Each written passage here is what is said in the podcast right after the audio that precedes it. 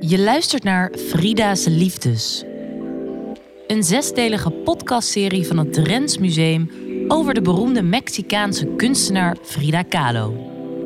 Voor deze podcast ga ik, Katelijne Blok, kunsthistoricus en oprichter van het feministisch kunstplatform de Tiddymac, in gesprek met diverse gasten, die allemaal vanuit een eigen perspectief kijken naar de liefdes van Frida Kahlo. In deze aflevering Make It Fashion spreek ik samen met ontwerpers Sianja Keizer, David Paulus en kunstenaar Angel Rose Udit Dubé over mode en traditie in relatie tot de kunstenaar Frida Kahlo. Ik denk dat ik geen beter viertal kan hebben om het te bespreken wat we vandaag gaan bespreken. Uh, maar eigenlijk wil ik starten met het vaste moment. Het kunstwerk waar rond me heen deze uitzending of deze aflevering eigenlijk is gebouwd. Welk werk heb je gekozen? Ja, dat is een hele bijzondere tekening. Hij heet uh, Schijn bedriegt. En uh, Frida Kahlo die creëert heel bewust haar eigen imago... dat veel verder gaat dan alleen haar zelfportretten en schilderijen. Uh, haar doorlopende wenkbrauwen, kleding, sieraden, make-up en haardracht... maar ook haar beschilderde corsetten en protheses... zijn onderdeel van de manier waarop zij zichzelf aan de wereld presenteert... Ze maakt van haarzelf als het ware een kunstwerk en laat zich door belangrijke fotografen portretteren. Tijdgenoten vertellen dat Kahlo met haar verschijning overal stof doet opwaaien. De traditionele kleding die ze, ze tijdens haar verblijf in Amerika steeds vaker gaat dragen, fungeert als een soort uniform. Het is een toonbeeld van haar interesse in en steun aan de oorspronkelijke Mexicaanse cultuur van voor de koloniale overheersing. En ze maakt hiermee ook een politiek statement. Dat zij daarbij veelvuldig kiest voor de kleding van de Tehuana-vrouw is veelzeggend. Want juist deze cultuur is er een die gekenmerkt wordt door een matriarchale samenleving. Vrouwen hebben het er voor het zeggen. Uh, ook Kahlo speelt met uh, gender. Via haar Tehuana-kleding benadrukt ze haar vrouwelijkheid. Maar daarnaast laat ze zich al op jonge leeftijd fotograferen in een mannenkostuum. En ze zegt: Ik heb de snor en het gezicht van de andere seksen. Kahlo's kledingkeuze heeft niet alleen te maken met haar Mexicanidad. Een tekening die tevoorschijn komt uit La Casa Azul toont Kahlo gekleed in haar Tehuana-kostuum. Maar daaronder is haar gebroken lichaam zichtbaar. In die tekening schijnt bedriegt, waarvan u ook een afbeelding kunt vinden op onze website. Daarin wordt duidelijk welke rol kleding speelt in het verhullen van haar lichamelijke beperkingen. De lange rok verbergt het gewonde been. De wijd van een vallende huipil, een soort tuniek, past prima over haar corset en verhult dit. En de vele sieraden, make-up en de opvallende haardracht leiden de aandacht van de beschouwer naar boven, weg van het lichaam. Kahlo schrijft er de veelzeggende woorden bij: schijn bedriegt. Maar haar kleding camoufleert niet alleen. Het is ook een manier om haar ongeluk om te vormen tot iets moois, tot creativiteit, net als in haar kunstwerken. Hierin ligt een dualiteit. Frida Kahlo kiest zelf wanneer ze haar handicaps wil laten zien en wanneer deze, ze deze wil verhullen. Ze gaat de confrontatie aan met haar gebreken en vormt ze om tot iets moois. De beschilderde corsetten en het opvallende prothesebeen zijn zo een uiting van haar creativiteit en veerkracht. Het is echt een prachtig werk. Het hangt ook hier in het museum. Ja. Wat was jouw eigen reactie toen je dit zo zag? Weet je dat nog? Nou ja, het vertelt zoveel hè, eigenlijk over hoe zij in het leven staat en welke rol haar kleding heeft. Uh, in het, in het laten zien en het uh, tegelijkertijd verhullen van, ja, van haar levensverhaal.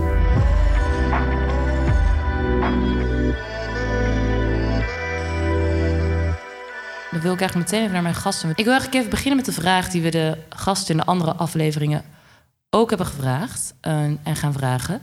Namelijk eigenlijk wat jullie eigen link is met Frida Kahlo. Um, ja, nou, ik ben half Mexicaans, half Nederlands. So, dan heb je ook meteen... Ja, Frida was ook half uh, Mexicaans, half Duits. Zo, daar is een connectie. En ja, ik, ik kom uit een land waar je ziet haar gezicht overal. Echt in elke markt, elke tentoonstelling, dan heb je haar. En um, het is hier zoals Van Gogh, wat we een beetje aan bespreken dat je groeit op met een beeld van een kunstenaar, een kunstenaar de hele tijd. Zo, het zit in de cultuur. En ehm, ja, mijn link met haar. Eigenlijk, het is een uh, grappige vraag, omdat ik ben nu bezig ook met een collectie van uh, Mexico en textielen uit Mexico en werken met uh, Mexicaanse ambachtsleden. Zo, daar is een grote connectie. En eerst ik dacht, nee, ik heb geen inspiratie door haar werk, maar ze zit wel in mijn moodboard bijvoorbeeld. Mm. En uh, het ging niet specifiek om, om haar, maar wel dat, om dingen dat ze had getekend. Zo, daar is wel invloed, ook al denk je dat er geen invloed is. Kan ik het ook een beetje een haat-liefde verhouding noemen? Mm, nou nee, omdat ik heb nooit gedacht... oh, haar werk is niet goed. Of, ik vond het altijd heel interessant. Vooral dat het was altijd uh, als een... Um, hoe noem je dat? Zij vertelt altijd een verhaal in haar werk. En dat vind ik altijd interessant. En vooral als een kunstenaar, dan... Uh, dat is een hele belangrijke punt. Hoe ga je een verhaal uitbeelden? En hoe gaan mensen dat zien? Ja, ja. Um, en dan als ik ook even naar de andere twee gasten kijk. Uh, Angel Rose, uh, verhaal uitbeelden, kunstenaar. Ik wilde met name ook even over jouw uh, laatste werk spreken. Angel Rose, Pink Colored Glasses. Kan je voor ons even, mensen die zitten luisteren, even misschien beeldend beschrijven hoe dat werk eruit ziet? Um, ik heb een installatie gemaakt in de wereld van de Angel Rose Colored Glasses. En dat is een speling op mijn voornaam en de term Rose Colored Glasses, de roze bril. Um, als je een roze bril op hebt, dan zie je iets mooier dan het daadwerkelijk is, iets romantischer. En als je uitspreekt over marginalisatie, wordt heel vaak die bril op jou geforceerd. Um, dat jij het mooier zou moeten zien dan het daadwerkelijk is. En als een tegenreactie daarop heb ik een, ja, een soort van beeldtaal gecreëerd dat een mengsel is van camp, popcultuur en activisme. En het is heel aanwezig, het is heel hysterisch. En ik heb voor mijn eindexamen, ik heb HKU eh, Fine Arts gedaan, heb ik een um, installatie gemaakt wat ik zelf een intellectueel speelparadijs noem. Om mensen bewust te maken van hun privilege of het tekortkomen van. Op een ja, speelse manier, maar het is tegelijkertijd ook heel erg direct. Het is aanwezig. Ja, ik claim eigenlijk mijn plek in de huidige maatschappij waar ik me in bevind Um, op een letterlijke en figuurlijke manier die niet altijd voor mij is ja, gemaakt. Ja. we zien ook uh, voor het publiek hier in de ruimte, we zien het werk uh, achter mij. Um, en inderdaad, we hadden het net al uh, over ja, het vertellen van een verhaal. Maar voordat ik dat bij jou eigenlijk daarna wil vragen hoe belangrijk dat is, Frida Kahlo, waar, waar denk jij aan als je de naam Frida Kahlo hoort, als je het kunstwerk wat we net besproken zo ziet, waar denk jij dan aan? Um, het heeft heel erg te maken met het zichtbaar maken van iets wat niet zichtbaar zou mogen zijn. En het is heel grappig, want ik kom dan van de fine arts, maar ik heb niet per se. Ik heb heel veel overeenkomsten, denk ik, in mijn werk met haar, ongeacht we een ander medium hebben. Maar ik heb het ook eerder tegen jou gezegd. Ik heb niet per se een hele. Ja, ik heb heel veel respect voor haar en ik weet wat zij heeft gedaan. Maar ik, heb tegelijk, ik ben niet per se de grootste, biggest um, vocale fan of zo. En het, dus ik vind haar werk heel erg goed. Maar tegelijkertijd, ik denk dat het ook is... van zij zit in dat riedeltje van uh, Van Gogh, Gauguin, Monet. En dan denk ik, ja, ik weet dat het goed is en ik weet ook waarom. En ken ongeveer de historie. En dan is het van bij de fine arts wilde kunst van... oké, en dan kijken we verder, wat is er nog meer? En um, dus dat is best wel interessant. En ik weet niet hoe het komt, want zij is zeker een van de kunstenaars die het heeft mogelijk gemaakt dat ik kan doen wat ik doe. Dus dat is best wel apart natuurlijk. David, voor jou, hoe zie, hoe zie jij dat als je Angels antwoord zo hoort? Jij als maker en uh, ontwerper en uh, je ziet er ook prachtig uit trouwens. Voor mensen die het, het moeten horen, ik ga het beschrijven. Het is een geweldige make-up, echt pracht. Um, hoe, hoe is dat voor jou als je het antwoord zo hoort van uh, beide gasten naast jou in connectie met Frida? Um, als ik naar mijn werk kijk, mijn link met Frida is. Um, ik denk dat er iets is wat. Eh, een soort vanzelf ging. Omdat ik, eh, ik kom uit Curaçao. En op Curaçao hebben we ook ehm, eh, heel veel Spaanse invloeden. En, uit Mexico, Venezuela. Dus ik kreeg dat vanaf klein af aan al een klein beetje mee. Maar de link is gewoon, denk ik, dat heeft te maken met onze Caribische eilanden, de Spaanse invloeden. En eh, dat is de link, eh, denk ik. Ja, en eh, we hadden het net al over de eh, prachtige jurk die er inderdaad staat. Ehm, hoe belangrijk is, denk je, mode in het vertellen van een verhaal? Want Frida Kahlo, kunstenaar, maar droeg uiteraard natuurlijk ehm, echt bepaalde kleding om iets ook mee te vertellen. Hoe belangrijk is mode voor jou om een boodschap eh, over te brengen? Um, mode is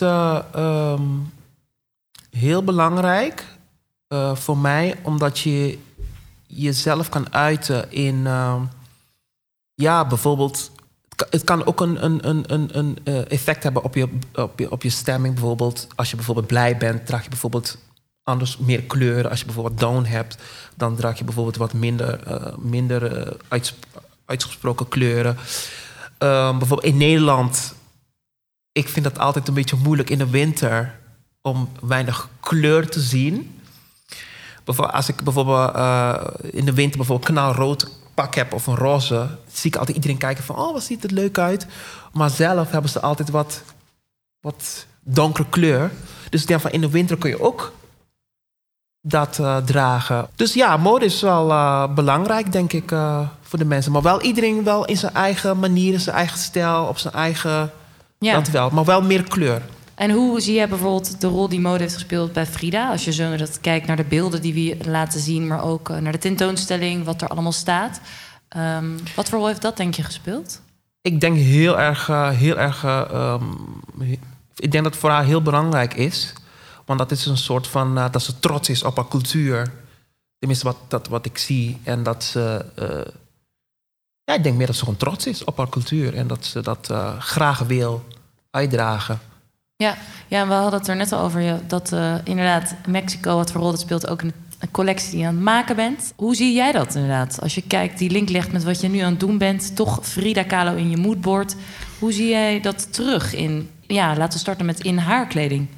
Ja, in Mexico, het zit in de cultuur dat je bent heel trots van jouw land. So, het is, um, je bent trots in al de kleur en uh, al de textielen. Het is echt uh, iets dat wordt heel erg ja, celebrated. En uh, het is misschien heel onbewust, omdat ik dacht nooit zo van... ah, ik moet een Mexicaanse collectie maken, omdat ik ben Mexicaans of zoiets. Maar dat, het komt toch wel voor.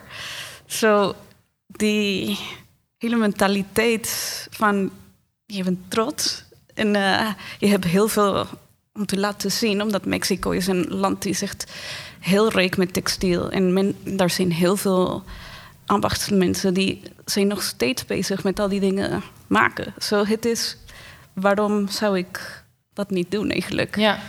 Waarom zou ik dit niet laten zien aan de wereld? Zo, hoe, hoe kan je, ja, ik weet niet, een textiel laten zien in mode en in de, op de juiste manier vooral? En daarmee bedoel ik ook uh, met cultural appropriation. Ja. Hoe maak je ook een link tussen in, inheemse mensen, indigenous mensen en mode? Dat je niet iets pakt, en, maar juist ja, dat echt gaat laten ja, celebrate. Like, Want waar ligt die grens, denk je, voor die culturele toe-eigening eigenlijk van uh, bepaalde kleding? Ook al voor Frida Kahlo, die, die uh, speelde ergens op een bepaalde manier ook heel erg uh, met wat ze droeg, wanneer ze dat droeg. Ik kijk af en toe met een scheef oog naar jou, Annemieke, of ik correcte dingen zeg of niet. Maar anders dan moet je ja, nee, maar knikken en dan geef ik meteen de microfoon. maar als, ik, um, als je daar naar kijkt, want soms merk je ook dat Frida Kahlo dat dat ook wordt besproken van waarom droeg ze dat en uh, was, kon ze dat wel dragen op dat moment of wilde ze er iets mee vertellen? Hoe, hoe zie jij dat zelf? Ja, ik zie wel meer dat ze wel iets mee vertellen. Zo van dit is mijn land, ik ben Mexicaans en ook, ook al is ze double nationality. Ja, um, dat gebeurt heel vaak zo. maar ik bedoel, ja, ze was heel trots. Ze wou het laten zien. Vooral ik denk, ze had ook een link tussen de Tijuana's. En uh, ik denk haar moeder had een beetje bloed uit Oaxaca of zoiets. Zo, dan is het, waarom zou ik juist dat niet aandoen? En waarom zou ik meteen gaan naar de westerse cultuur en een hele ja, look maken van dat? Terwijl mijn land heeft zoveel om te geven. Waar, waar ligt die grens eigenlijk? Um... ik denk bijvoorbeeld ja, met cultural appropriation. Het is meer. Vooral, we zien dat heel veel nu grote bedrijven die gaan iets kopiëren en dan gaan ze miljoenen maken uit een kopie. En dat deze juist niet. Ze, was, ze ging meteen naar de source. Oké, ik ga dit kopen van hun en dat laten zien. En niet zo van, ja, en toen was het heel anders. Maar nu is het een uh, hele andere ding hoe dat gebeurt. Omdat je ziet zo vaak dingen die worden gekopieerd. Maar toen kon het wel. Ja, ja. David, ik zie je ja knikken. Ja, nee, dat, dat klopt wat je zegt. Uh, heel vaak worden dingen gekopieerd. En uh, ze vergeten ook vaak uh, waar het vandaan komt om dat te benoemen. En ja. dat vind ik... Kijk, als je het benoemt... of je bijvoorbeeld goed onderzoek doet... misschien is dat... dan valt het mee. Maar soms wordt het gewoon vergeten waar het vandaan komt. Ja. De benoeming van... Uh, niet doen alsof het, je hebt het bedacht... terwijl het eigenlijk... Je hebt het ja, en ja. het probleem is ook dat daar zijn mensen die dat nog steeds in aan het maken. Ja. En waarom gaat niet een hele grote business hun, ja, zo van, hey, wil je dit maken Precies. voor ons? Precies. En dan is het zo een win-win situation. Ja. Maar dan en doen iets ze meer dat voor niet. betalen ook. Ja, maar voor, ja, especially benoemen, dat is wel een uh, hele ja, dat belangrijke is wel een hele ding. goede... Ja. Ja, want Angel, in jouw werk benoem jij ook dingen uh, die jij eigenlijk om je heen ziet, maar die je ook om je heen hebt gezien. Uh, met name ook toen je opgroeide. Um, als we ook even kijken naar de link met mode daarin, want we zijn uh, in je werk zit ook op de vloer en ik, ik heb er rondgelopen. Prachtig, allemaal ook foto's van bekende popsterren, van een Paris Hilton tot een Britney Spears, bepaalde kleding.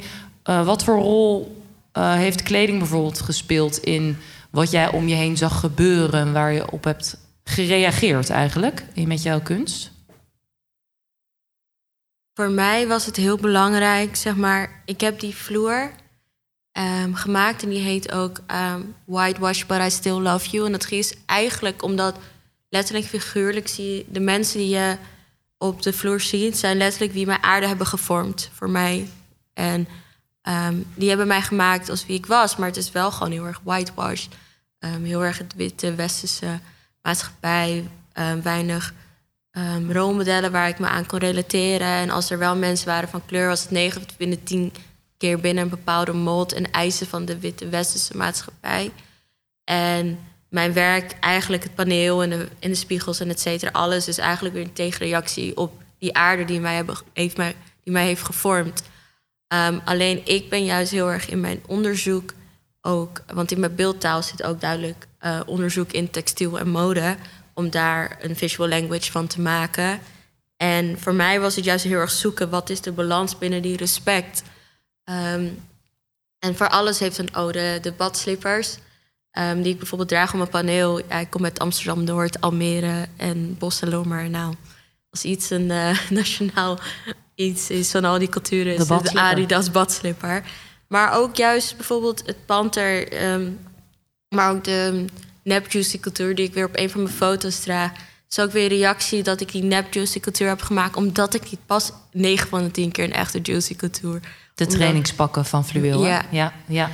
Um, dat veel van die merken niet per se um, cateren naar mij. Maar het is ook bijvoorbeeld in de referenties. Je ziet bijvoorbeeld is heel erg, je ziet westerse kleding. Je ziet mijn namaak westerse kleding. Uh, maar je ziet bijvoorbeeld ook, um, draag ze nu ook Hindustaanse armbandjes van mijn Indiaanse afkomst. Maar dierenprint en ook een. En de kettingen zijn dan weer referentie ook naar kolonialisme. Maar dat wordt al wel vaak aan um, kolonialisme um, gelinkt van de zwarte mensen. Maar ik ben Hindustaans, maar ik ben ook gedeeltelijk Creools. En voor mij was het ook heel erg zoeken in het verleden van waar laat ik die respecten zien. Mm -hmm. Juist omdat het deel is van mij. Juist omdat ik ehm, een individueel ben en juist die kleine partij ben, denk ik, ik werk maar met één factor en dat ben ik. Dus dan is het juist makkelijk om die keten ehm, in bedwang te houden. Dat ik ook in mijn eigen werk moet zoeken van wat claim ik te veel of te weinig? Waar zit dat balans dat ik respect toon naar de meerdere achtergronden in mij?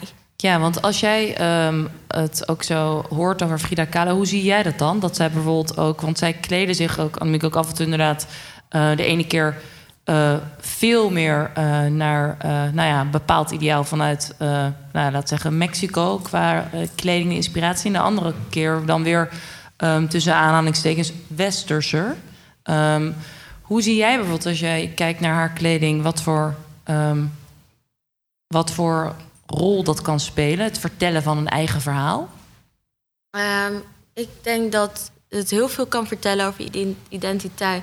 Maar het zegt ook weer veel over het grote dialoog van hoe komt het dat ze zich is gaan kleden meer op een bepaalde manier vanaf het moment dat ze located was in wat is het, San Francisco en Detroit. Um, zeg je dat goed? Ja. ja. En van, van who are you catering to? Van, dat is best wel... Ja, dat is een heel groot gesprek. Um, van... Ja, voor wie doe je het mm -hmm. dan? Ja. En voor, ja... Is dat denk je iets... Uh, um, waar je zelf ook heel erg op moet letten met de dingen die je maakt als kunstenaar, als ontwerper. Van voor wie maak ik het? Maak ik het eigenlijk nog vertellen van mijn verhaal? Of ben ik aan het reageren op een verhaal uh, om me heen? Of hoe, hoe, zien jullie dat bijvoorbeeld als je uh, aan het designen bent, aan een collectie werkt? Um, ja, ik zie me, um, mijn kledingstukken meer als schilderij die tot leven komen. Mm -hmm. En in principe maak ik het voor de vrouw. Maar uh, ja, voor mij zijn ze gewoon schilderijen. Dus uh, die ook een man, die kan het ook vasthouden en dragen. Dus ja, dus uh, ik heb niet.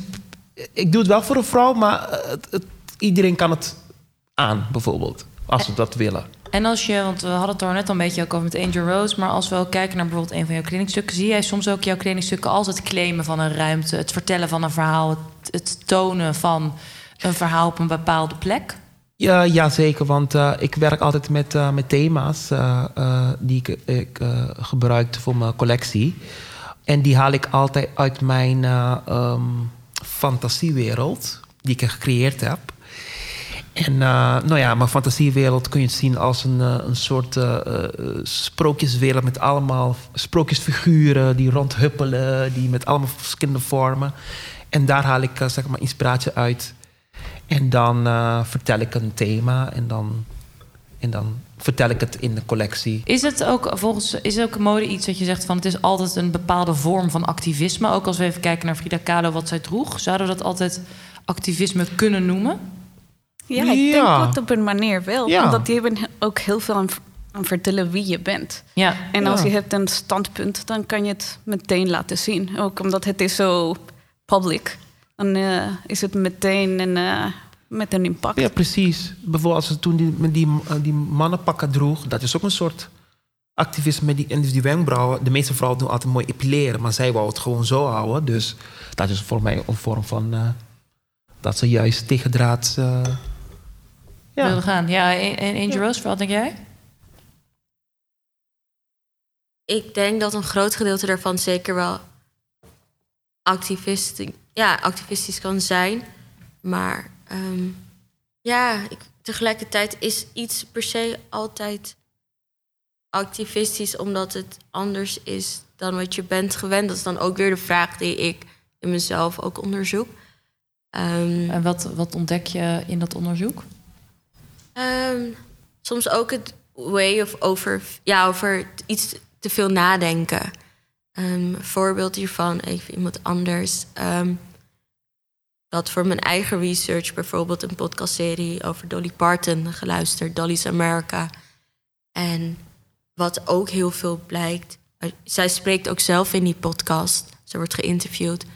En wij maken soms dingen over haar feminisme veel groter dan dat zij eigenlijk zelf ook vindt überhaupt zo. Hoe zij zelf denkt. Dat je, wat het meest fascinerende was om te ontdekken, is dat ja, de buitenwereld haar feminisme veel groter maakt dan eigenlijk zijzelf. En dat is ook, was ook een wake-up call voor mezelf. Dus dat zou je ook misschien eventueel kunnen zien in, binnen bepaalde dingen uh, vanuit Frida. Ja, want uh, inderdaad, denk je dat, we, dat dat soms gevaarlijk kan zijn? Dat we misschien alles wat zij, of het nou haar kunst is wat ze heeft gemaakt, of de mode die ze draagt, dat we dat zien meteen als, nou, dat is een activistische daad, daar wilde ze iets mee zeggen, dat we dat nu te veel gaan interpreteren? Nou, dat kan. Ik heb bijvoorbeeld in Mexico ook een vriendin die heeft een uh, unibrow.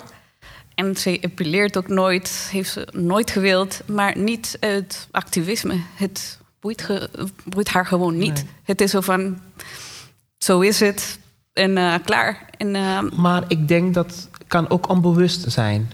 Want ik denk als je, misschien voor haar is dat niet zo, maar als je wel zo rondloopt, kan je wel andere mensen prikkelen. Dus ik denk dat prikkel volgens mij is een soort van en dat gebeurt ook heel vaak ja, bij haar, omdat iedereen denkt: ah, jij bent zo uh, brave, ah, je ja. doet dat. En dan, ja. ja. maar ze is zo van: ja, maar zo ben ik. Ja, ja zo, precies. Dat is met Dolly Parton waarschijnlijk ook. Zij is. Zij ziet dat niet zo, maar door hoe zij gedraagt, hoe zij doet, kan toch bepaalde prikkeling, wat menselijk is, oproepen bij mensen. Maar is dat misschien ook de kracht van mode, van kunst, dat je inderdaad um, uh, mensen natuurlijk over dingen gaan nadenken, misschien soms geconfronteerd worden, maar dat die verhalen beweging kunnen creëren? Ja, nou, voor mij het is ook belangrijk altijd een goed verhaal. En, om ja, ja, dat te bouwen in, een collectie. En voor mij is dat soms meer belangrijk dan uh, moet het mooi zijn of, of draagbaar.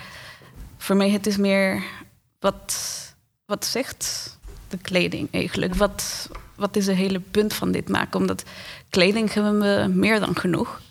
Het is niet nodig zo. Maar als je hebt een uh, collectie en kleding, dat kan een beetje meer vertellen over die verhaal. Dan het maakt een hele project ook veel sterker. Ja.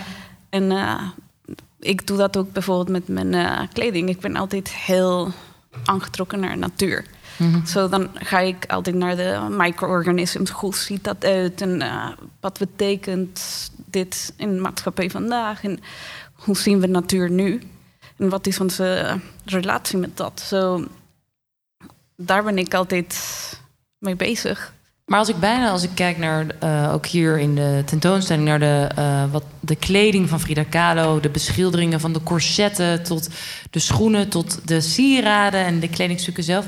Je zou bijna denken van, het lijkt bijna heel conceptueel hoe zij zich bijvoorbeeld al kleden op de dag. Het feit al dat ze met haar lichaam natuurlijk een en al pijn deed, mm. dat überhaupt allemaal aantrok en aandeed en om zich heen hing.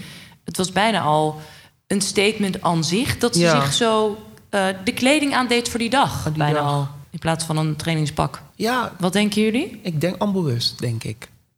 Ik denk door die, al die pijn van haar dat ze uh, in die bed lag, dat ze, denk ik dan, ik denk niet dat ze per se een, een visie had van ik ga een hele serie maken van dat en dat en dat. Ik denk dat er gewoon een soort proces, proces, het woord proces weer, vanzelf ging en dan dan had ze in één keer een corset aan. Van, oh, ik ga wat leuks erop tekenen of iets ermee doen. Ja. Misschien dat, niet dat per se dat ze dacht van... ik ga dat corset, dat doen en dat.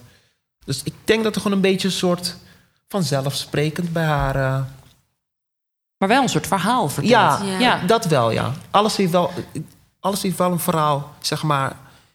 Um... Zouden misschien kunnen zeggen dat bijna alles nu, als we er nu naar kijken... misschien al, of het nou bedachtzaam, onbedachtzaam, dat het bij elkaar eigenlijk één compleet Frida Kahlo verhaal vertelt? Als we zo al die kledingstukken en corsetten en schoenen en sieraden bij elkaar zien? Ja, Ik maar wel individueel, toch wel. Voor mij is het heel erg duidelijk dat het ook een coping mechanism is voor haar validisme. En het is, nou ja, ik weet niet hoe het is voor haar, hoe dat is geweest voor haar, maar het is gewoon duidelijk van. Dus toestanden waarin zij leefde. Mhm. En dat is een understatement, was niet fijn. En um, het wordt ook vanuit de psychologie en met ik heb zelf therapie sessies en dergelijke in het verleden gehad.